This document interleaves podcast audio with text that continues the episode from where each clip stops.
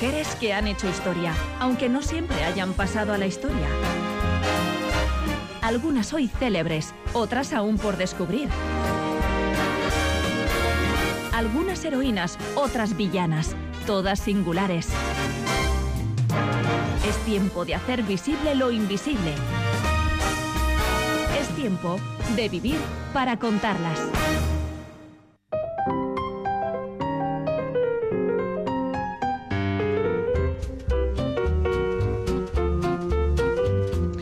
Nos sumergimos hoy en la apasionante y azarosa historia de la legendaria Carolina Otero, bailarina, cantante, actriz y cortesana española, que se convirtió en uno de los personajes más emblemáticos del París galante de la Belle Époque. Mintió, inventó y fabuló como ninguna en lo tocante a los pasajes más traumáticos de su agitada vida. Construyó desde cero ya la carta una historia que la catapultó a la fama, la fortuna y el corazón de ricos y poderosos hombres a los que jamás se entregó por completo. Edurne Bazola, ¿qué tal estás? Muy bien, hola. Bueno, considerable desafío el de hoy, ¿no? Sin ninguna duda, porque el de la Bella Otero es, de largo, uno de los perfiles más difíciles de reconstruir de han pasado por este espacio. Su vida es tan misteriosa como lo es la inscripción grabada en su tumba, C. Otero sin nombre completo, sin fecha alguna, sin pomposos epitafios, sin información precisa, como su propia y enigmática vida. Hoy, en Vivir para Contarlas, recorremos, guiados únicamente por la brújula trucada que ella decidió dejarnos, la vida y obra de quien convirtió el de la Bella Otero en el gran papel de su vida. Desde sus humildes y traumáticos orígenes hasta su ruinosa muerte, pasando por una etapa de esplendor y gloria que pocas han logrado repetir después. Una vida forzosa e ingeniosamente autoficcionada, porque a fin de cuentas, como ella misma afirmaba, no hay sueño que resista la descarnada luz del sol o el frío estilete de la realidad.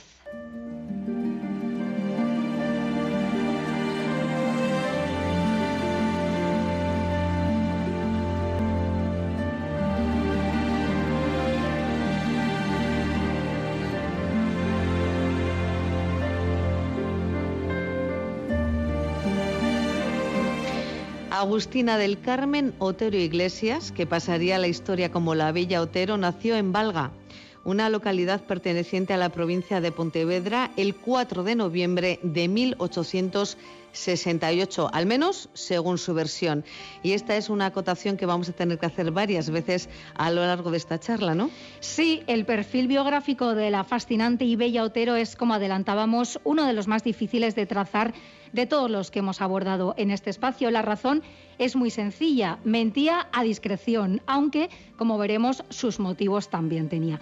Por razones que solo ella podría explicar, afirmaba haber nacido el 4 de noviembre de 1868, pero en realidad nació el 19 de diciembre de ese mismo año, de 1868. Así consta en su partida de nacimiento que, como luego veremos, salió a la luz en circunstancias peculiares y se convirtió en una inesperada hoja de ruta para la reconstrucción de la vida de esta célebre artista. Lo que también está constatado es que, por desgracia, no se puede decir que llegara al mundo entre algodones, más bien al contrario.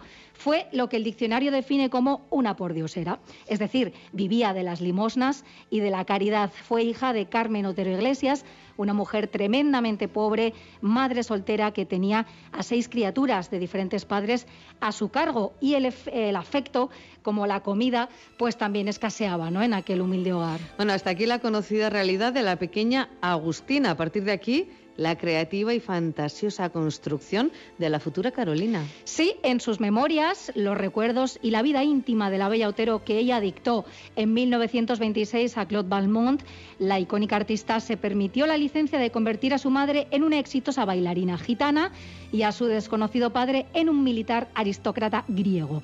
Cambió también su lugar de nacimiento, la pequeña localidad pontevedresa de Valga, por Cádiz y habló de un supuesto internado para señoritas en el que parecía haber sufrido un terrible trato. Estamos de nuevo ante un hecho improbable, dada su condición. Puede que, como apunta Carmen Posadas en su biografía novelada, titulada precisamente La Bella Otero, se tratará en todo caso de alguna clase de convento o lugar de acogida para las entonces consideradas mujeres descarriadas. ¿Y por qué fue considerada Agustina a una edad tan temprana una joven descarriada?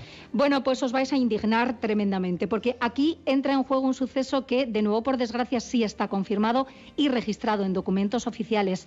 En el verano de 1879, cuando tenía solo 10 años, fue brutalmente violada por un zapatero del pueblo, Venancio Romero alias Conainas, una bestia que consiguió huir impune, según se cree, a Sudamérica y que dejó a aquella niña inconsciente con la pelvis rota y desangrándose a la vera de un camino a las afueras de la aldea.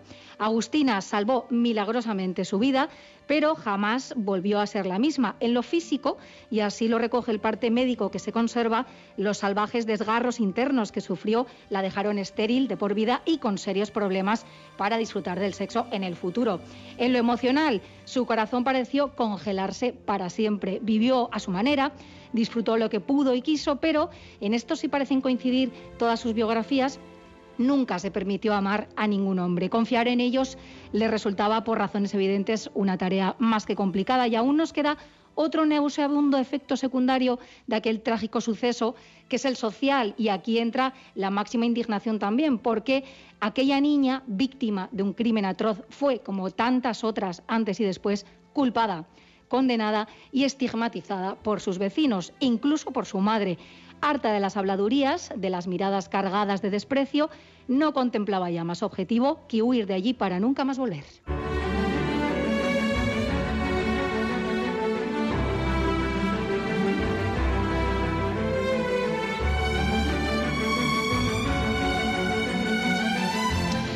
Y después de comenzar una nueva vida lejos de aquel lugar que tan malos recuerdos albergaba, Agustina, que rondaba entonces los 12 años, huyó de Valga y aquí nos encontramos de nuevo con diferentes versiones de la historia. Sí, según algunas versiones empezó a trabajar como sirvienta en Pontevedra, en casa de un médico.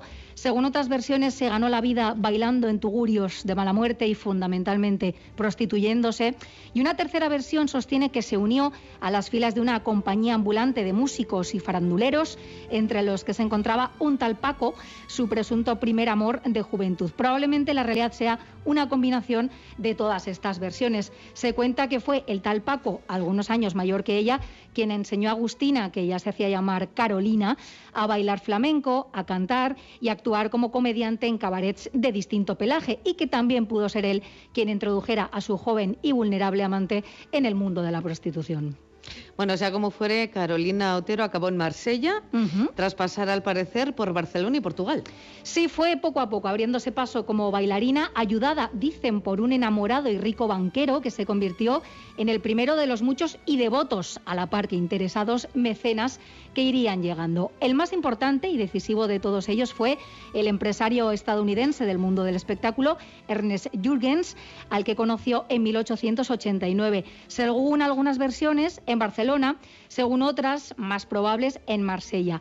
Jürgens, de 36 años, casado y con tres hijos, quedó cautivado, se enamoró perdida e inconscientemente de Carolina. Su hipnótica sensualidad pensó aquel competente hombre de negocios no podía ser desperdiciada en vulgares tugurios de París y se convirtió en su Pigmalion. Lo invirtió absolutamente todo, tanto en lo material como en lo personal, en convertirla en una artista refinada, ducha en idiomas y formada en canto y danza. Sin escatimar en gastos, dispuso todo lo necesario para hacer de ella una gran estrella, desde prestigiosos coreógrafos hasta hábiles publicistas, pasando por excelentes cuerpos de acompañamiento y, claro está, por los mejores modistos y peluqueros. Y juntos, Ernest y Carolina construyeron un personaje que alimentara la fascinación que por aquel entonces los franceses sentían por todo lo español, derivada fundamentalmente de las idealizadas crónicas de los escritores románticos que visitaron la península en el siglo XIX y de forma todavía más notoria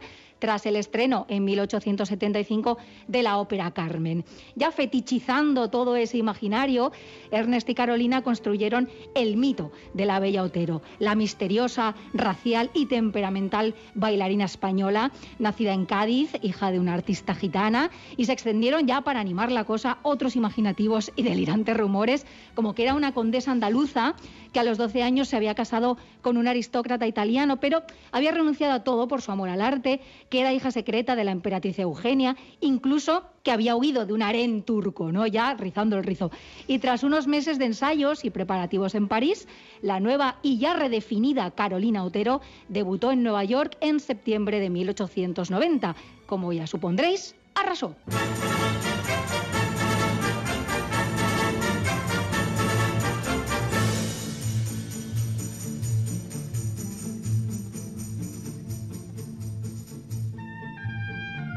Y al público estadounidense le pasó lo mismo que le había pasado al propio Ernest Jürgens, que quedó cautivado con la bella Otero que fue aclamada en su debut, a pesar de que si bien se defendía correctamente con el canto, el baile y la interpretación, en fin, su técnica no era, digamos que, sobresaliente. No, no lo era, pero lo que sí era sobresaliente, al parecer, era su magnetismo. Tenía, como suele decirse, un gran carisma, alimentado, claro está, por esa combinación de misterio, seducción y exotismo que de forma tan hábil habían mezclado en la coctelera para obtener el aura de leyenda que la envolvía el del idealizado fuego español o la furia española. Sus impactantes, sensuales y características contorsiones sobre el escenario y el vigoroso y sinuoso movimiento de su cuerpo, que compararon muchas veces con el de una serpiente, hacían las delicias del público, particularmente del masculino.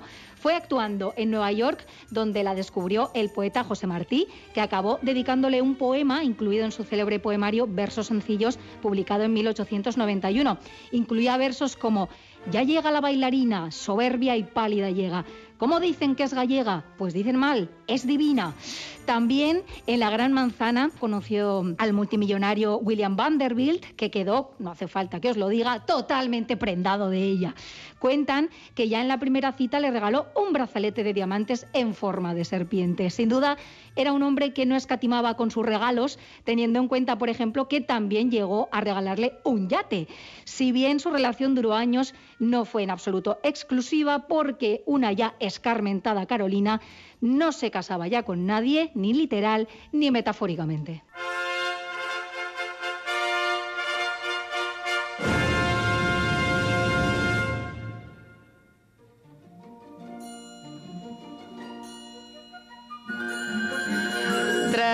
Su incontestable éxito en Estados Unidos, la Bella Otero se embarcó en prolongadas y exitosas giras de carácter internacional que obtuvieron idéntica repercusión. No parecía resistírsele nada, ni el baile, ni el teatro, ni siquiera la ópera. No, ella se atrevía con todo y ejercía en quienes la contemplaban una extraña fascinación. Se ha llegado a afirmar hiperbólicamente, como a ella le habría encantado, que la sensualidad de aquella mujer fue un fenómeno casi místico e irrepetible en la historia, pero lo cierto es que encandilaba al público con sus singulares números en los que mezclaba el flamenco, el fandango, la bulería, que además interpretaba vestida de torero, o eróticas danzas de reminiscencias árabes e hindúes con las que hechizaba a los boquiabiertos espectadores, ricamente engalanada además con las joyas que le regalaban sus numerosos y poderosos amantes. Envuelta en su infalible aura de exótica seducción, recorrió Europa haciendo sonadas escalas en Londres, Viena, Berlín o por supuesto París, donde se convirtió en la estrella principal de locales tan emblemáticos como el Folie Berger.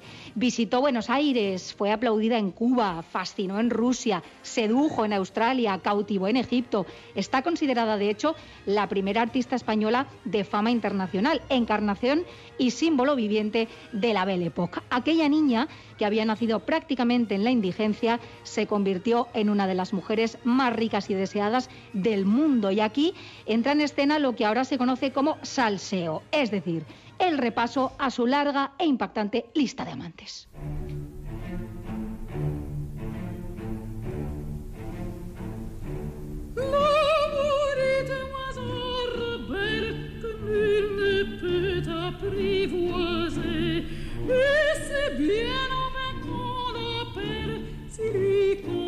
Además de su talento para las distintas formas del arte y el espectáculo, la bella Otero tenía otros irresistibles encantos que contribuyeron a su meteórico ascenso hasta la cima del éxito y el poder. Exactamente, por decirlo sin ambajes, era una cortesana, es decir, se servía de su sexualidad para seducir a hombres ricos e influyentes.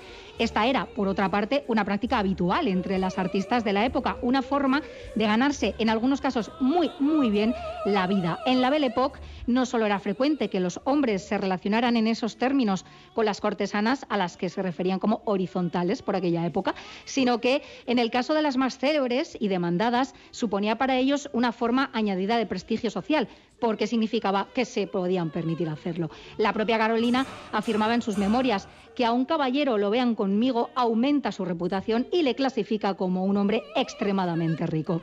Y en efecto, la Bella Otero se convirtió en una de las cortesanas más famosas y cotizadas de la alta sociedad parisina del momento. Entre sus muchos y poderosos amantes se habrían contado miembros de la aristocracia y de la realeza, como, entre otros, el príncipe Alberto I de Mónaco, Leopoldo II de Bélgica, el zar Nicolás II de Rusia, Alfonso XIII de España, el kaiser alemán Guillermo II, el príncipe Nicolás de Montenegro o Eduardo VII de Inglaterra cuando aún era príncipe de Gales. Todos ellos la cubrieron de carísimas joyas, algunas de las cuales habían pertenecido a otras poderosas mujeres como María Antonieta o la propia emperatriz Eugenia. Le legaron fortunas personales, coches, valiosas propiedades inmobiliarias, hasta una isla llegaron a regalarle. Vamos, que se servía de ellos del mismo modo que ellos se servían de ella. Indudablemente, porque además Carolina Iglesias no disfrutaba del sexo por razones que no hace falta ser psiquiatra para comprender y como puede leerse en el libro La pasión de la Bella Otero de Ramón Chao, podía fingir la voluptuosidad más exacerbada. Para mí, decía ella, el juego del amor no fue sino oficio, fruto de la experiencia como los años de conservatorio para una pianista. Me interesó para obtener un beneficio inmediato. ¿Por qué fue así? Alguien me dijo que por la violación que sufrí, por la carencia de padre o por la miseria de mi niñez. Más allá de sus fingidos romances, también se convirtió en musa de escritores como Gabriele D'Annunzio o Colette, de pintores como Renoir, Toulouse-Lautrec o Julio Romero de Torres, de arquitectos como Gustave Eiffel o Charles Dalmas quien dicen diseñó las cúpulas del Hotel Intercontinental Carlton de Cannes, inspirándose en los pechos de la Bella Otero. Buscar la foto en Google y ahí tendréis una idea. Tal era la fascinación que despertaba que llegó a ser conocida como la sirena de los suicidios por la cantidad de hombres, media docena, cuenta la leyenda, que se quitaron la vida tras negarles la Bella Otero sus favores o retirárselos después de habérselos concedido. Así que a su mito añadimos este rasgo de fe fatal. Se atribuye a un príncipe ruso la ya célebre súplica Arruíname, pero no me dejes. Y fue también el caso, sin ir más lejos, de Ernest Jürgens, su Pigmalión, que ya completamente solo, arruinado y con el corazón roto, dijo adiós mundo cruel en una pensión de mala muerte. Ella, por su parte, afirmaba con orgullo haber sido esclava de sus pasiones, pero nunca de los hombres. Y en efecto, una de esas pasiones, de la que fue esclava absoluta, la acabaría llevando a la perdición.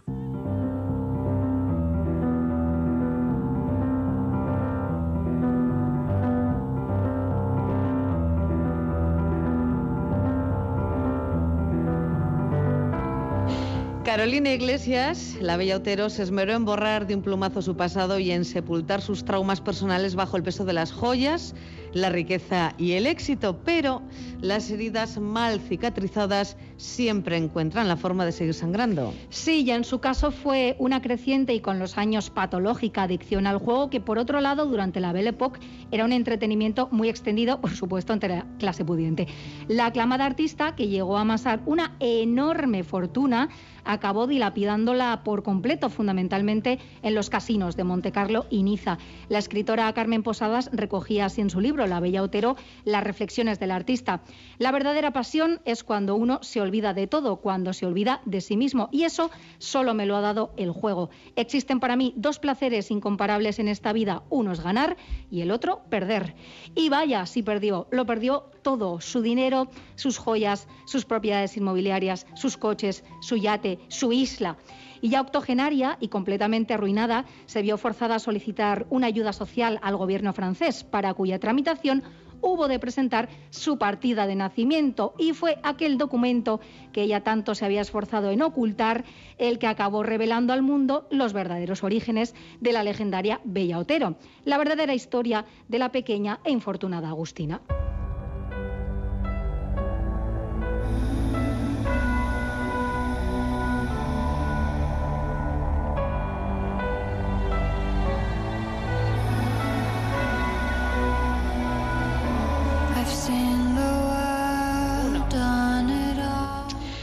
Total que con una fortuna eh, con la que podría haber vivido a todo otra en varias vidas, la bella Otero se retiró de los escenarios a los 46 años. No quiso que el mundo la viera marchitarse. Eso forma también parte de su leyenda. En palabras de Carmen Posadas, Hacia 1914, Carolina Otero Iglesias, conocida como la Bella Otero, decidió ocultarse, abandonó París y todo lo que había sido su mundo. Los seis reyes que la cortejaron durante años, los vividores, los aristócratas millonarios, los patanes adinerados, los poetas e ilusos que formaron la corte de sus amantes y también abandonó a su público y a sus enemigos. Todo lo dejó para mantener intacta su leyenda. Quizás se preguntó, como Lana del Rey en la canción que escuchamos de fondo, si seguirían amándola cuando ya no fuera joven y bella. Desde su retirada y hasta su muerte, se entregó con desenfreno a una incontrolable ludopatía. Fueron casi 50 años de sangrantes apuestas, siempre al rojo. El 10 de abril de 1965, a los 96 años, la bella Otero murió arruinada en una modesta pensión de Niza que, dicen, le pagaba por caridad el propio casino de Montecarlo al que tanto dinero había hecho ganar. En aquella habitación, sola, rodeada de recuerdos y recortes de prensa que se hacían eco de sus días de gloria, se fue la artista más legendaria de la excesiva, excéntrica y exuberante Belle Époque. Y con ella, aseguran, murió la propia Belle Époque.